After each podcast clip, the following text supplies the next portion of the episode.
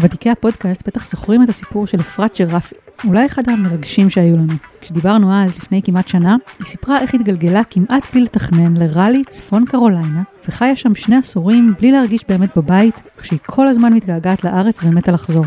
מה שעצר אותה היו בעיקר שני הבנים שלה, איידן ואדם, היום בני 7 ו-9, או יותר נכון אבא שלהם, הגרוש שלה, שהוא אמריקאי וחי שם ואין לו שום סיבה שבעולם לעזוב, או להסכים לכך שהילדים שלו יעברו לגור בארץ אחרת. נכון ש-2020 הפכה את החיים של כולנו, אבל אני מודה שכשהתקשרתי לאפרת שוב, לא עלה בדעתי עד כמה השנה הזאת, וספציפית הפודקאסט הזה, הפכו את החיים שלה. איפה היוזמות? איפה הסטארט-אפים? ישראל היא מקום אה, לא קל. הגשת אוכל הודי עם לסיני ובכלל את מישראל. דברים שרואים משם, סיפורים על ישראלים מעבר לים. היי, אני שלומית רביד, ואתם מאזינים לדברים שרואים משם, סיפורים של ישראלים מעבר לים. היום אנחנו עם שיחת עדכון מפתיעה במיוחד, אפילו דרמטית, עם אפרת ג'רפי, כוכבת פרק 4 שלנו, ששודר ב-11 בפברואר 2020. אם פספסתם אותו, אני ממש ממליצה לחזור ולהאזין. הנה השיחה שהקלטתי איתה בשלושה בינואר. היי אפרת, מה נשמע? בסדר, הכל בסדר גמור. יש לי קצת דברים אה, מעניינים לספר לך. מה שלומך את קודם? אה, אני מאה אחוז, ממש ממש אחלה. באמת עברה כמעט שנה מאז שדיברנו פעם קודמת, וזו הייתה שנה דרמטית בעולם. נכון. אז זהו, אז אה, רציתי ככה לשמוע ממך מה קרה, איך עברה לכם השנה הזאת, האם יש איזה התקדמויות לכל מיני כיוונים שדיברנו עליהם בפעמים הקודמות?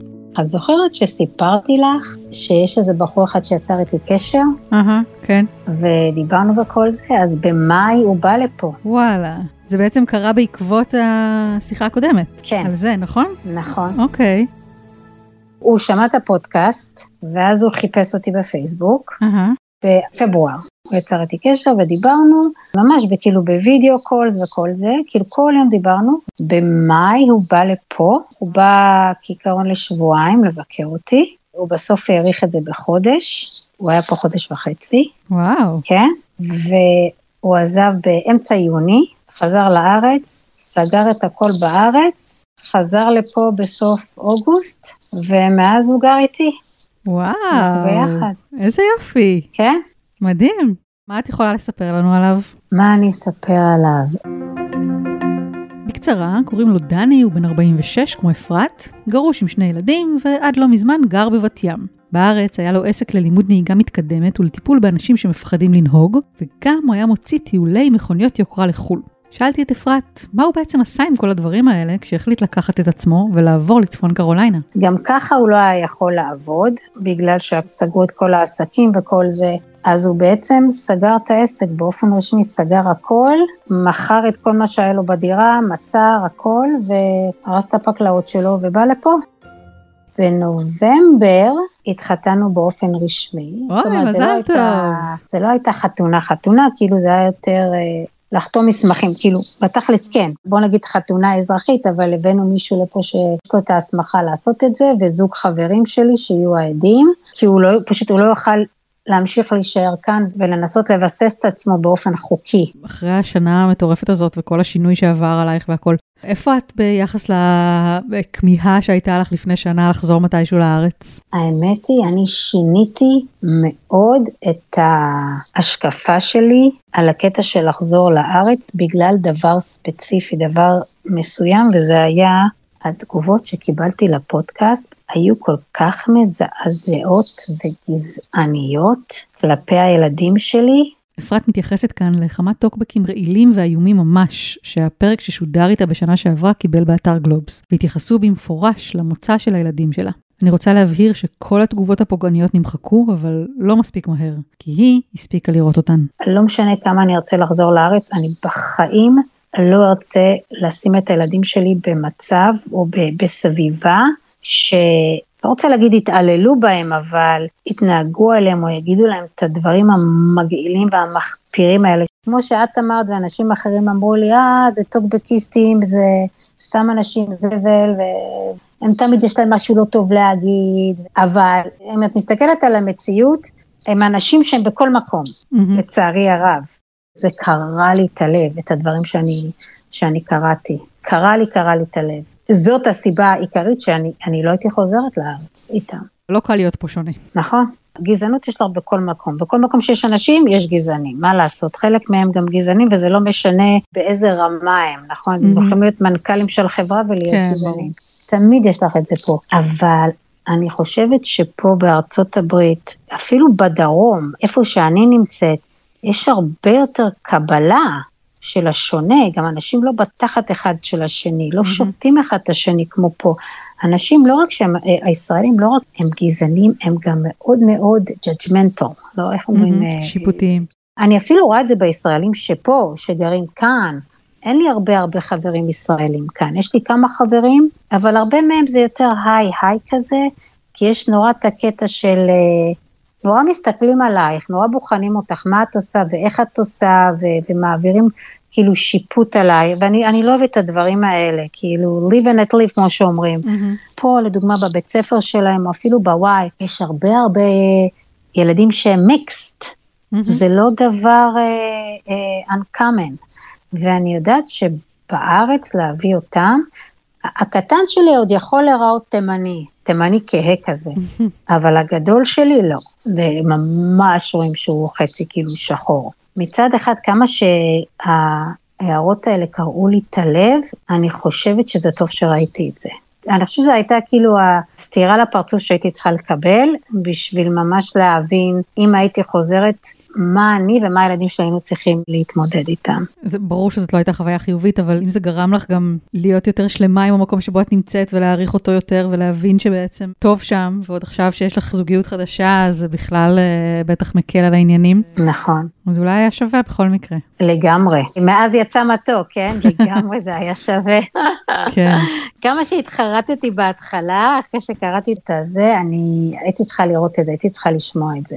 ודני גם, כשהוא עבר לפה, הרי אני חיה ב- ב- בישראל של לפני 20 שנה, אני עזבתי מהמם. ב-98, והמדינה מאוד מאוד מאוד מאוד השתנתה מאז, וגם הוא משתף אותי בהרבה דברים והרבה קשיים שיש בארץ, לא רק מבחינה כלכלית, אלא גם מבחינה, מבחינת המנטליות. גם לו היה מאוד מאוד מאוד קשה מבחינה גם העם הישראלי, ואיך שהעם מהמם. הישראלי, לא יודעת, מתנהג, וחוסר כבוד וחוסר התחשבות בזולת, שזה הזוי, שפה מאוד מאוד יש את זה. עכשיו, יש פה גם הרבה זיוף, את יודעת, זה מסכה כזאת, זה, את יודעת, לא, לא כל כך מתקרבת לבן אדם כמו כן. בארץ. יש להם נורא את הקטע של ה-personal space, ותישארי בפינה שלך ואני בפינה שלי. יש לך את- הפלוסים ואת המינוסים בכל צד, אבל בהחלט זה עוזר ששמעתי את הדברים האלה, ושדני פה שזה לא רק זוגיות, אלא זה גם זוגיות עם ישראלי, מהמם. שבכלל לא חשבתי שאני אגיע לזה פה. רוב הישראלים בגיל שלי פה הם אה, נשואים, הם באו לפה כבר נשואים עם הילדים ועם האישה דרך רילוקיישן כזה. אה, אז מה אני אגיד לך, אני ממש שמחה לשמוע. זה עדכונים, אה, עדכונים טובים. כן, זה עדכונים מעולים. כל הפודקאסט הזה שינה לי את החיים. וואו, איזה כיף לשמוע.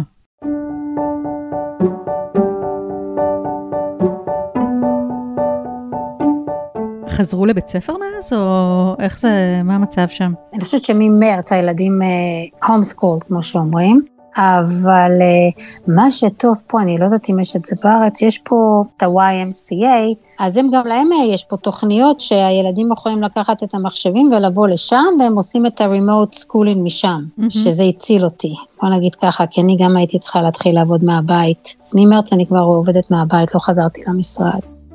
אז בעצם מה שקרה ממרץ, הילדים במקום ללכת לבית ספר התחילו ללכת לצהרון הזה, מהמם. והם הלכו לשם לכל היום, או שזה היה כזה לכמה שעות? אז זה תלוי למה רשמתי אותם, שמונה עד שלוש וחצי זה כאילו רק לשעות של הבית ספר, ותמיד יכולתי אה, להאריך את זה עד שש.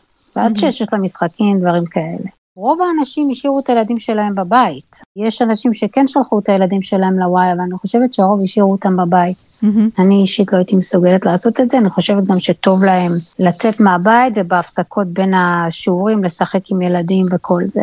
ואיך זה הולך כשהם לומדים בבית? יש להם באמת שיעורים? פה יש אה, סערות שלמות סביב זה. האם הזום עובד, לא עובד, כן לעשות, לא לעשות, איך לעשות? כן, נכון, אז יש להם את כל הקטע של הזום הזה.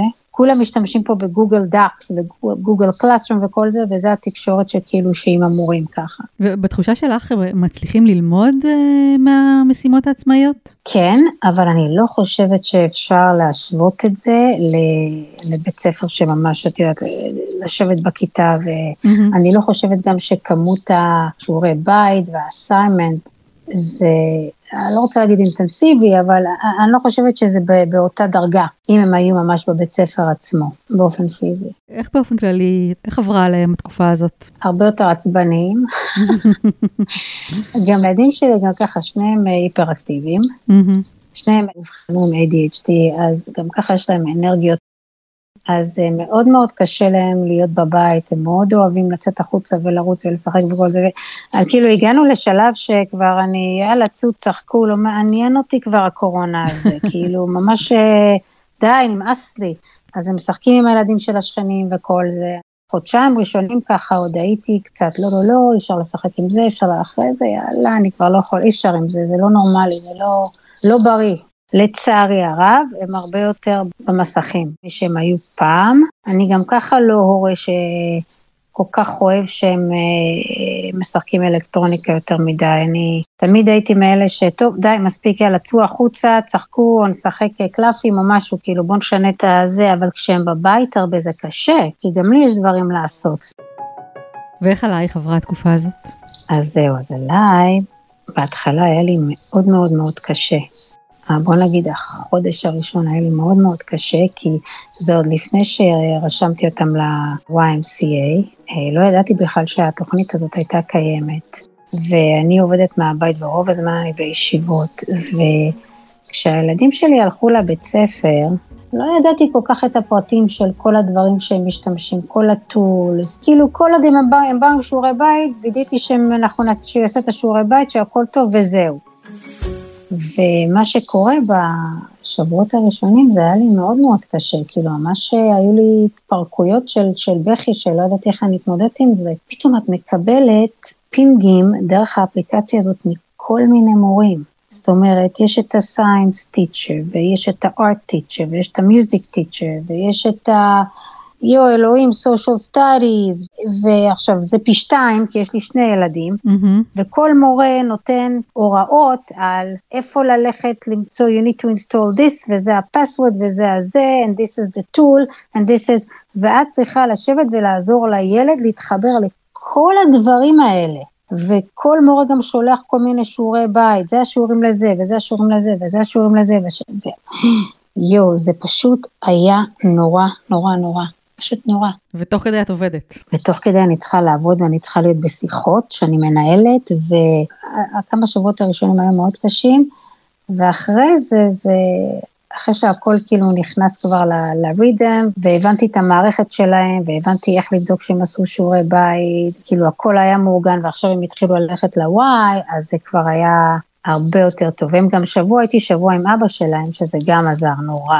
בהתחלה לא היה ככה, היה חצי שבוע, חצי שבוע, חצי איתי, חצי איתו, ואז היינו מתחלפים בסופי שבוע. אני חושבת שבערך לפני איזה שנה ככה, mm-hmm. משהו כזה, שינינו את זה לשבוע-שבוע. וואלה, וזה עובד לכם יותר טוב? מצוין, זה עובד, מה זה מצוין? תשמעי, יש הרבה הטבות בלהיות גרושה.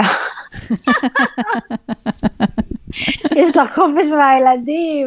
כמה שאני אוהבת את הילדים שלי, אני לא מהאימהות האלה שצריכה להיות 24 שעות עם הילדים. אני לא, אני אוהבת נורא את הזמן שלי. לפני שניפרד, יש עוד משהו שאת רוצה לספר, להגיד? מקווה שעוד מעט נחזור לחיים הנורמליים, אני מקווה שאני אוכל לבוא לבקר בקיץ, אני כבר, הקיץ הזה זה יהיה שנתיים מאז שהייתי בארץ, כי פשוט שנה שעברה לא יכולנו לבוא, אז אני מאוד מאוד מקווה שיצא לי לבוא, לבקר עם הילדים. טוב, אפרת שרפי, אה, צפון קרוליינה, המון תודה על השיחה הזאת ועל העדכונים. תודה. אולי נדבר שוב עוד שנה. כן, בכיף. עד כאן עוד פרק של דברים שרואים משם, מהדורת ימי קורונה וסגירת מעגלים. אנחנו מחכים לתגובות שלכם באתר גלובס וברשתות, ואם אתם גרים בחו"ל ויש לכם סיפורים טובים, המייל שלנו הוא דברים את גלובס co.il. שוב תודה לאפרת על השיחה, תודה לעורך הפודקאסטים של גלובס רון טוביה ולאור טוביאס על הסאונד. אני שלומית רביד, יאללה ביי.